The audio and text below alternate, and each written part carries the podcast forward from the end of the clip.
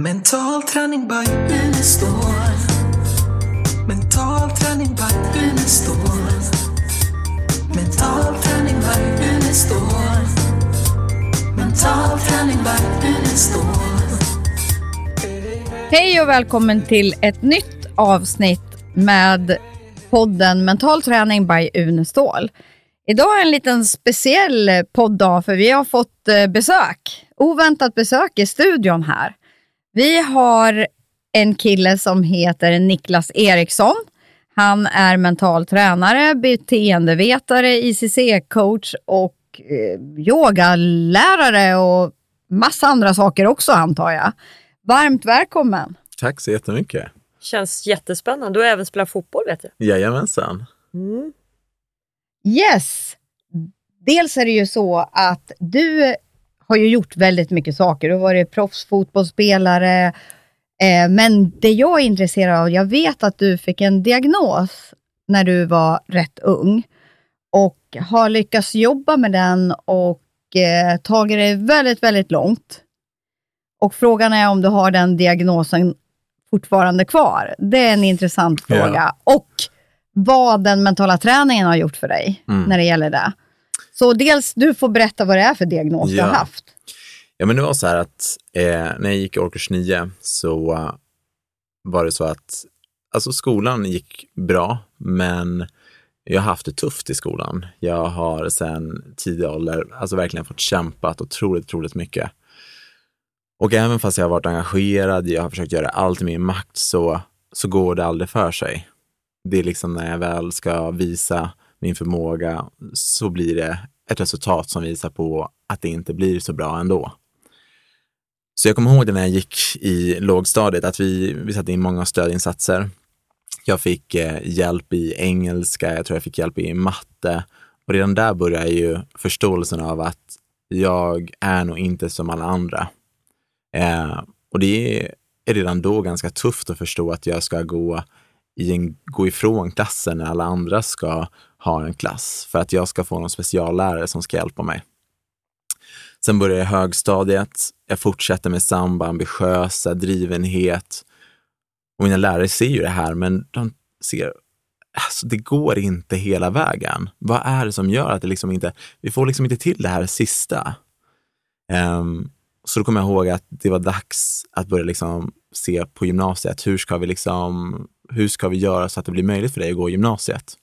Så kommer jag ihåg min speciallärare Ida som hon hette.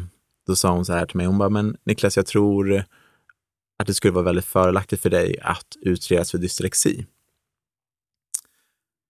För jag tror att det kommer kunna göra möjligt för dig att du ska gå gymnasiet. Och jag tänkte, fan. Och jag kom hem och, och jag grinade för mamma och sa att de tror att jag har dyslexi Mm. och att, de liksom, att jag skulle ha det. Och för mig var det mycket, det var emotionellt och jag kunde liksom inte placera, liksom, inte att jag döm, bedömde att det var fel, utan mer bara, jag, ska jag ha det? Och så tänkte jag, men gud, vad kan det här hjälpa mig då till liksom? Och så var det ju bara, det kan nog hjälpa mig att gå gymnasiet. Så okej, jag tar den här utredningen. Så jag kommer ihåg hur jag kommer till eh, den här psykologen som ska göra den här utredningen på mig. Och jag vet inte, ni har kanske inte utretts för en diagnos, men man får ju testa sig på allt som man inte är bra på. Ja. Och det, det gör ont. Så ja, jag kommer ihåg, alltså, det var frågor efter frågor och jag tänkte så här, alltså vad, vad oschysst de är. Kan de liksom inte testa mig på någonting som jag är bra? Och liksom under den här tiden så spelade jag fotboll, jag var van att liksom vara bra på det jag gör. Och här ska du bara trycka ner mig i skiten. Du ska liksom rubba hela min självbild om vad jag kan. Eh, och jag kommer ihåg att det var liksom en frekvens av att jag skulle räkna 1 till 100. Och så frågade hon så här, hur kändes det där? Jag bara, bra. Och hon bara, du missade tre siffror på vägen upp till 100. Jag bara, va? Nej. Bara, jo, du missade tre siffror. Och sen så fick jag ju då reda på att nej, du har inte dyslexi Niklas, du har en fonologisk och grammatisk språkstörning. Och då fick jag ju reda på att det här påverkar ju mitt sätt, till exempel när jag läser en text, att jag snabbt drar snabba slutsatser. Så jag har ju liksom bestämt mig vad den sista sidan i boken handlar om. Um, att jag ibland inte ser när jag läser saker att vissa ord faktiskt inte står där. Och sen eftersom det är fonologiskt så är det ju det språkliga. Så att jag också har en utmaning med att uttrycka vissa ord och att det kan alltså krångla till det för mig rent av. Um, men jag måste bara få tillägga en sak som gjorde liksom en som frihet på något sätt, att jag, jag blev lite lycklig mitt i allt det här mörka. Och det var när vi var hos den här psykologen och vi hade suttit där i två tillfällen, ah, två timmar och bara, bara tryckt ner mig skiten i vad jag inte kan. Och sen kom jag ut därifrån så glider mamma upp bredvid mig och bara, men Niklas, vet du vad?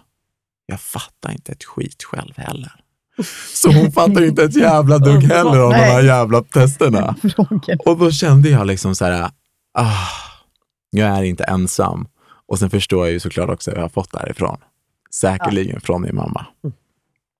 Eh, men därifrån i alla fall så fick jag, om vi kan definiera en stämpel att jag har den här funktionsvariationen. Och den gav mig på något sätt en förståelse över mig själv. Att här är jag. Vi skulle kunna säga det om vi kopplar till coachingen. Vi identifierade ja. ett nuläge. Det är här jag är. Och den gav mig också möjlighet till att söka vidare till gymnasiet. Eftersom jag då skulle kunna söka med särskilda behov. Och jag minns det också så att jag skulle då få motivera för varför jag skulle gå på gymnasiet. Och man kan tänka så här, what, gör man sånt? Men det gjorde man. Även fast jag är ganska ung så man tänker så här, det gjorde man kanske förr i tiden.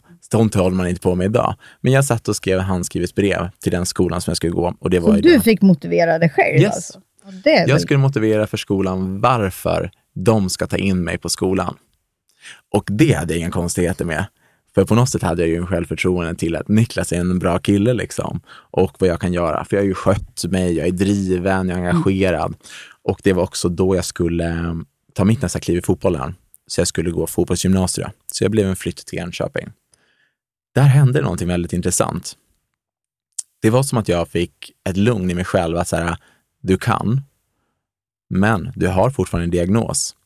Så engelska kommer att vara tuff för dig.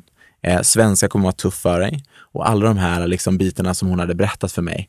När du läser så kommer det här vara, du kanske ska ha sån här linjal för att läsa liksom rad för rad. Men kom igen. Alltså det är det jag ska göra. Eller liksom så här, du ska få höra allting, du ska få läsa allting, du ska få göra... Ah.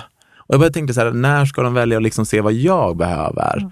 Så jag tänkte så här, nej, nu jävlar. Hitta min strategi. Vad har jag gjort fram till jag gick i årskurs 9? Vad är det som har fungerat? Och så började jag fokusera på de sakerna. Och så tänkte jag så här, engelska A ska jag sätta, för det kommer göra då att jag kommer kunna få plugga vidare. Eh, och, eh, och sen matten började löpa på, så de andra ämnena gick väldigt bra. Och faktiskt väldigt bra. Så jag började bli helt liksom chockerad att ah, mina betyg började liksom gå upp. Och det tror jag mycket var för att jag kunde identifiera mitt nuläge, att acceptera så här, okej Niklas, du har en, liksom, en utmaning och så här är det. Jag vet inte, det, det blev som en lättnad för mig själv. Gick ut gymnasiet och då var jag klar och bestämde mig att plugga på universitet eller högskola är inte kopplat till hur det ska funka för mig. För min variation säger att det inte borde gå. Och det här var tufft för mig. Eh, det fanns många utbildningar som jag skulle säga, ah, okej, det här skulle passa mig. Jag skulle kunna få nörda in inom ja, men liksom träning, inom hälsa, inom psykologiområdet. Men, och såklart så hittar man nya vägar som den drivna person jag är. Så jag tänkte så här, privatutbildningar, där har vi det. Privatutbildningar hjälper mig att välja ut vilken litteratur jag ska läsa, till och med att de har gjort kurspärmen. Så jag kan bara fokusera på det och lära in. För lära in kan jag ju, men jag behöver ju mitt sätt att göra det. Så jag börjar gå privatutbildningar, lägger väldigt mycket pengar på det. Eh, och sen, ja, ganska snabbt efter jag gick min första utbildning så blev jag ju extra fascinerad av det mentala, coachingen, kommunikation. Så efter ett halvår när jag blev utbildad personlig tränare och jobbade inom hälsobranschen tänkte jag, nej, nej, nej, vi ska gå in djupare. Kost och träning är en sak, men det här mentala, det är det som kommer göra att man kommer kunna komma längre. Så jag tror ett år senare efter det så bestämde jag mig för att jag skulle plugga till coach här på eh, Unisol Education. Och, eh, och fortfarande gick jag med den här övertygelsen av att universitetsstudier eller högskolestudier är ingenting för mig. Eh, det är liksom så här, det är fine Niklas. Sen börjar liksom ja, framtiden komma ikapp en och man kanske tänker så här, vad kan jag göra för att skapa större förutsättningar för att jag kan vara lugn om arbetsmarknaden kräver att jag skulle ha högskolepoäng och så vidare. Och så fortfarande, nej, kanske inte att det är möjligt med högskoleutbildning eller universitet. Sen sitter jag med min vän Kana och eh, då har jag börjat punkt och plugga till mental tränare. Och så sitter vi, jag kommer ihåg att vi satt i, i en lägenhet i Västerås och, och jag pratar om det här liksom. Och att jag vill nog liksom. Och hon säger bara, men ska du inte då? Ska du inte bara göra? Jag bara, absolut. Men, det finns ett men. Om det är så att utbildningen börjar i Västerås till hösten, då kommer jag ta mig an den. Vi gick in och kollade och gjorde det och jag tänkte, helvete. Vad har jag nu sagt? Nu ska jag alltså ta mig an det här. Men det jag förstod direkt är att jag har en utmaning kvar. Det är att jag kan inte fortsätta att identifiera mig med min diagnos. Så det jag då valde att göra, för jag hade ju lärt mig genom mentalträningen att jag kan börja ändra mina kopplingar. Att börja identifiera mig på ett annat sätt, förändra min självbild. Mm. Så då bestämde jag mig fyra dagar i veckan under ett halvårs tid till studierna skulle börja. För jag var redan klar med att jag skulle kunna komma in. För att jag hade tillräckligt höga betyg. Så um, varje dag, eller de här fyra, ibland upp till sju dagar, så såg jag mig själv visualisera att jag kan läsa engelsk litteratur, att jag tog mig igenom stora tjocka böcker, läste sida till sida och hade en otroligt god känsla i min kropp. Och att det här var det mest självklara jag någonsin har gjort. Får jag fråga en sak där? Ja. Du pratar om eh, att sätta det här i den mentala träningen och bygga upp Mm. självförtroende inför det. Var, var, var någonstans eh, knäckte du koden att mentala träningen och det här kan du påverka själv? Någonstans måste ju det ha skett. Mm. Att du... Men bra, bra fråga. Och direkt det jag får upp, det får jag faktiskt upp att det här började på något sätt när jag var 15 år. När jag hade en period i mitt liv där jag började må sämre. Eh, där jag fick vara med om en sak i mitt liv som påverkade mig väldigt mycket. Och jag, jag har alltid varit och upplever mig idag en positiv och glad person. Eh, men helt plötsligt så det förändrades inte utåt, men inåt förändrades. Den inre samtalet började äga mig väldigt, väldigt mycket. Och där förstod jag på något sätt att det jag har en möjlighet till, det är att ansvara för vad som ska ske i mitt system, i min hjärna, hur jag vill tänka om mig själv. Um, och sen såklart har det varit som fotbollen tidigare, men jag tror inte att jag har varit, alltså jag har inte varit klar med att jag bär den kraften, även fast jag kanske skulle behövt den hjälpen redan då. Så därifrån så började jag liksom jobba med mitt system och mina tankar, mina bilder. Men Det det- kan jag känna igen med Ja. idrotten och jag tror att vi tror på något sätt att mentala träningen tillhör idrotten och jag kan använda det. Vi inser inte kraften i att använda det i allt i livet. Exakt. Och det är på något sätt här jag, alltså där jag är idag, om jag hoppar liksom snabbt, det är ju på något sätt det jag önskar att ge till elitidrottare. För idag jobbar jag ju med väldigt massa olika delar. Jag både jobbar inom kriminalvården och jag jobbar med mitt egna bolag. Och där får jag möjlighet att träffa elitidrottare. Och jag vill ju ge dem det här. Ge det att du, liksom, det är en så stor skillnad på att liksom bli den bästa och tro att jag kommer nå det med den fysiska kapaciteten endast, utan det handlar om att vi behöver få in det mentala och liksom få en mental styrka. Och ni pratar ju väldigt mycket om det här i era utbildningar, Ja. att det är en skillnad på vem som kommer etta och kanske den som inte ens kommer till OS eller den som kommer tvåa. Ja. Vi ser skillnaden i det här. Och livet efter och kunna använda det. Exakt. Och, det, och det blev så påtagligt att det här arbetet gör ju faktiskt att jag mår bättre, den här visualiseringen. Så jag tänker att vi hoppar tillbaks till den här um, resan då, som blev att jag började visualisera det här. Och så började mina studier. Jag hade kommit in på beteendevetare och så um, bara rullade allt på. Och jag kommer ihåg här att liksom så här, jag fick på något sätt, jag tror att det var efter ett års studier, så bara fick jag liksom så här, vad fan är det du håller på med Niklas? Mm. Du, liksom, du gör det ju nu. Och det är typ det mest självklara du gör. Eh, och sen kom jag ihåg också att vi skulle göra ett beslut, att vi skulle välja vilken inriktning vi vill ta. Och för mig har ju psykologin legat väldigt nära.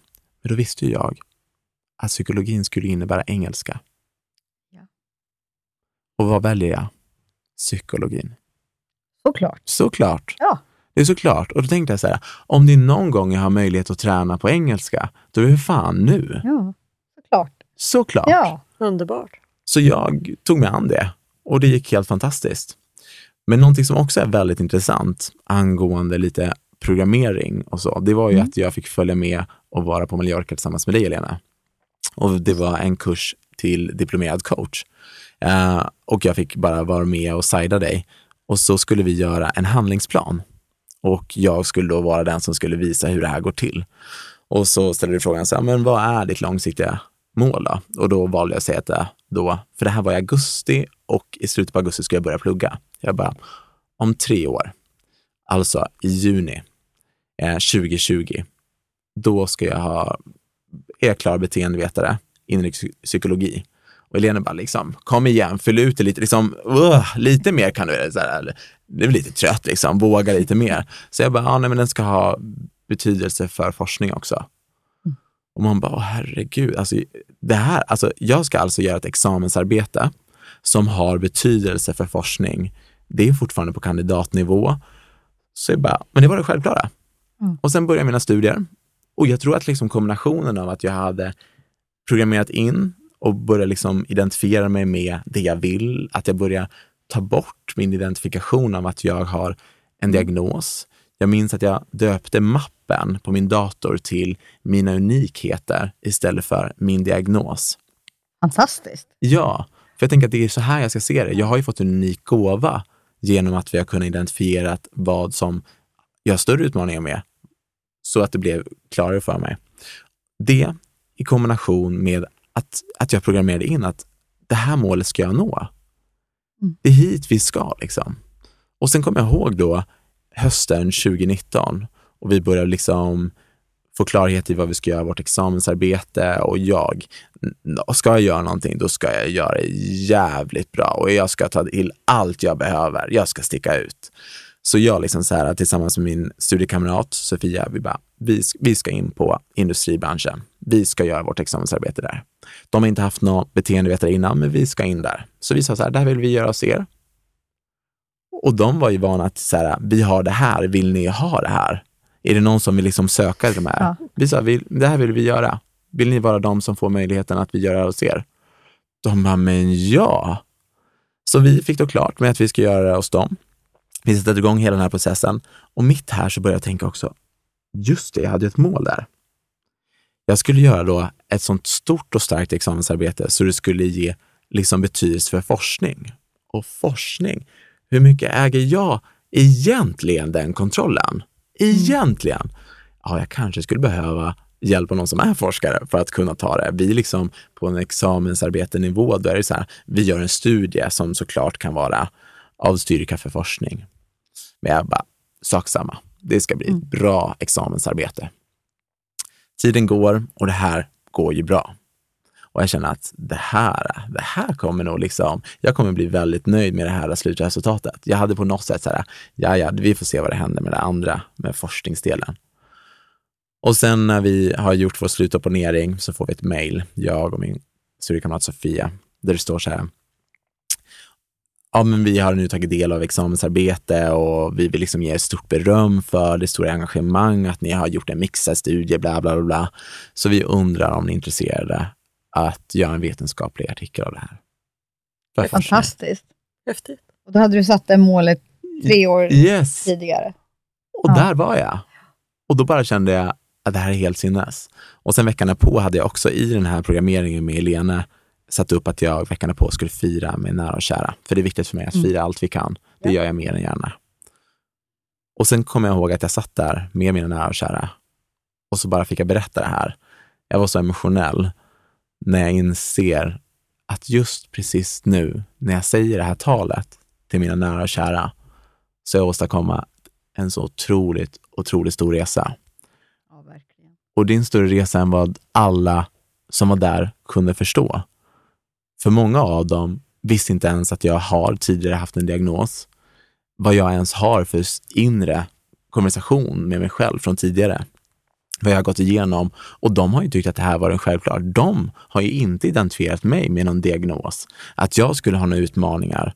När de får den och jag får höra mig och vad jag har åstadkommit, så slår det mig att jag är så jävla bra. Ja, verkligen.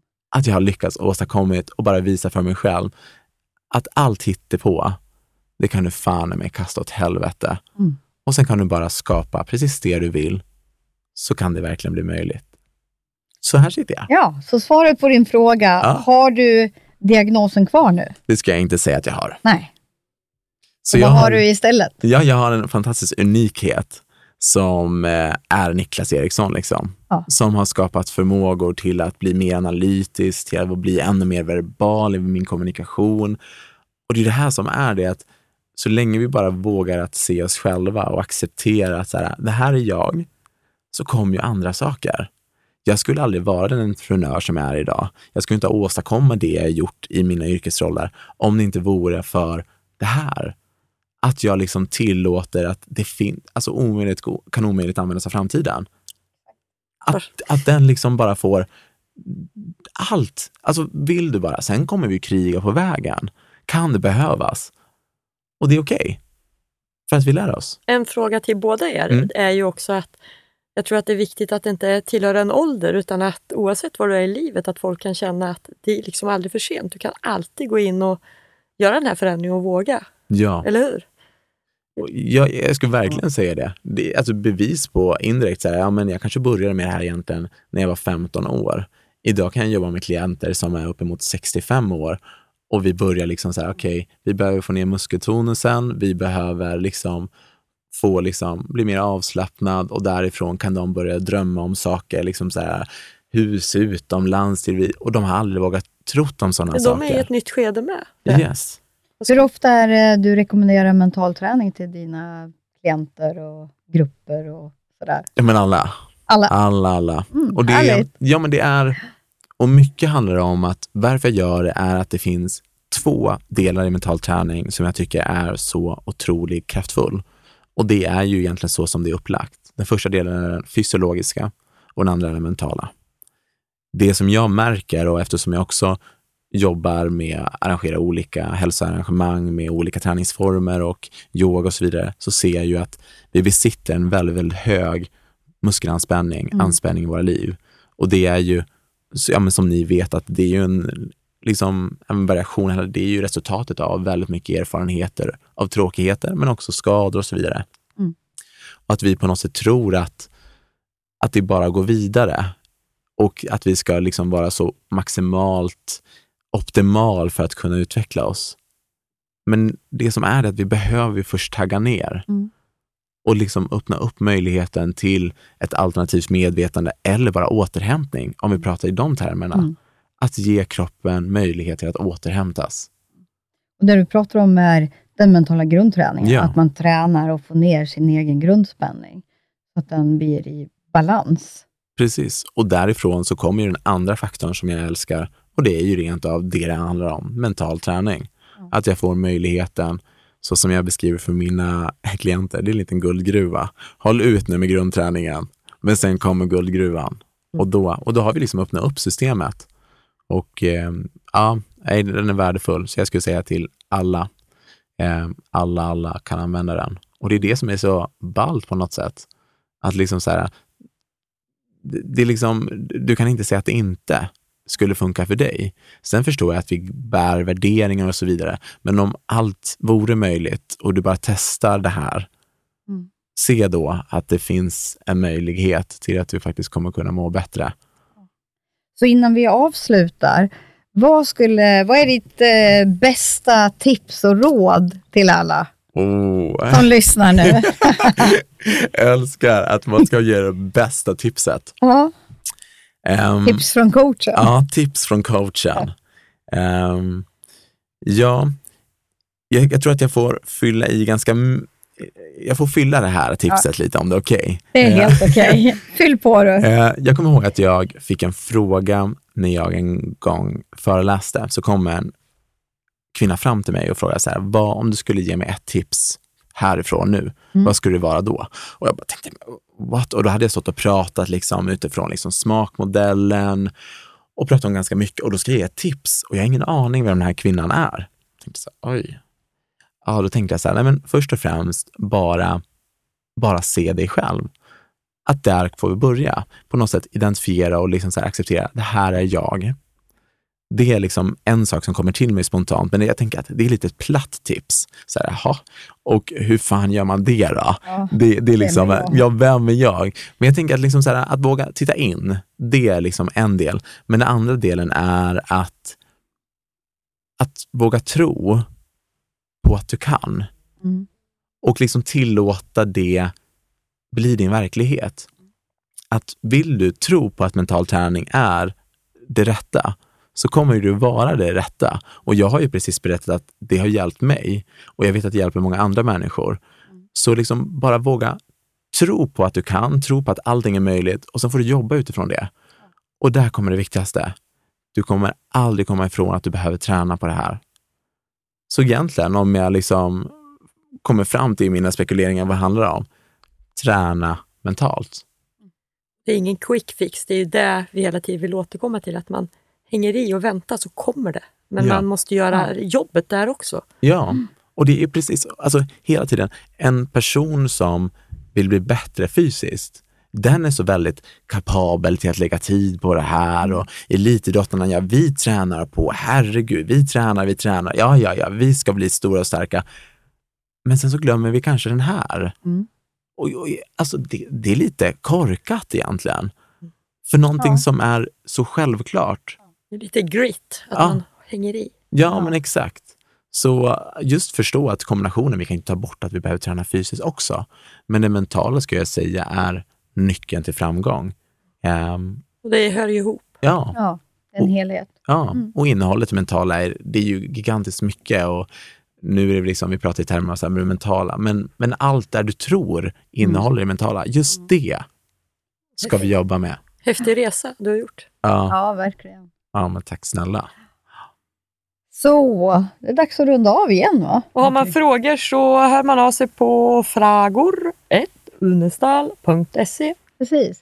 Då tackar vi dig Niklas för att du kom hit. Ja, men tack så jättemycket för att jag Tackar. fick Ha det bra. Tack. Tack eh, alla ni som har lyssnat på det här avsnittet. Ha det så bra där ute. Hej då! Hej då. Mental träning by Unestål. Mental träning by Unestål. Mental träning by Unestål.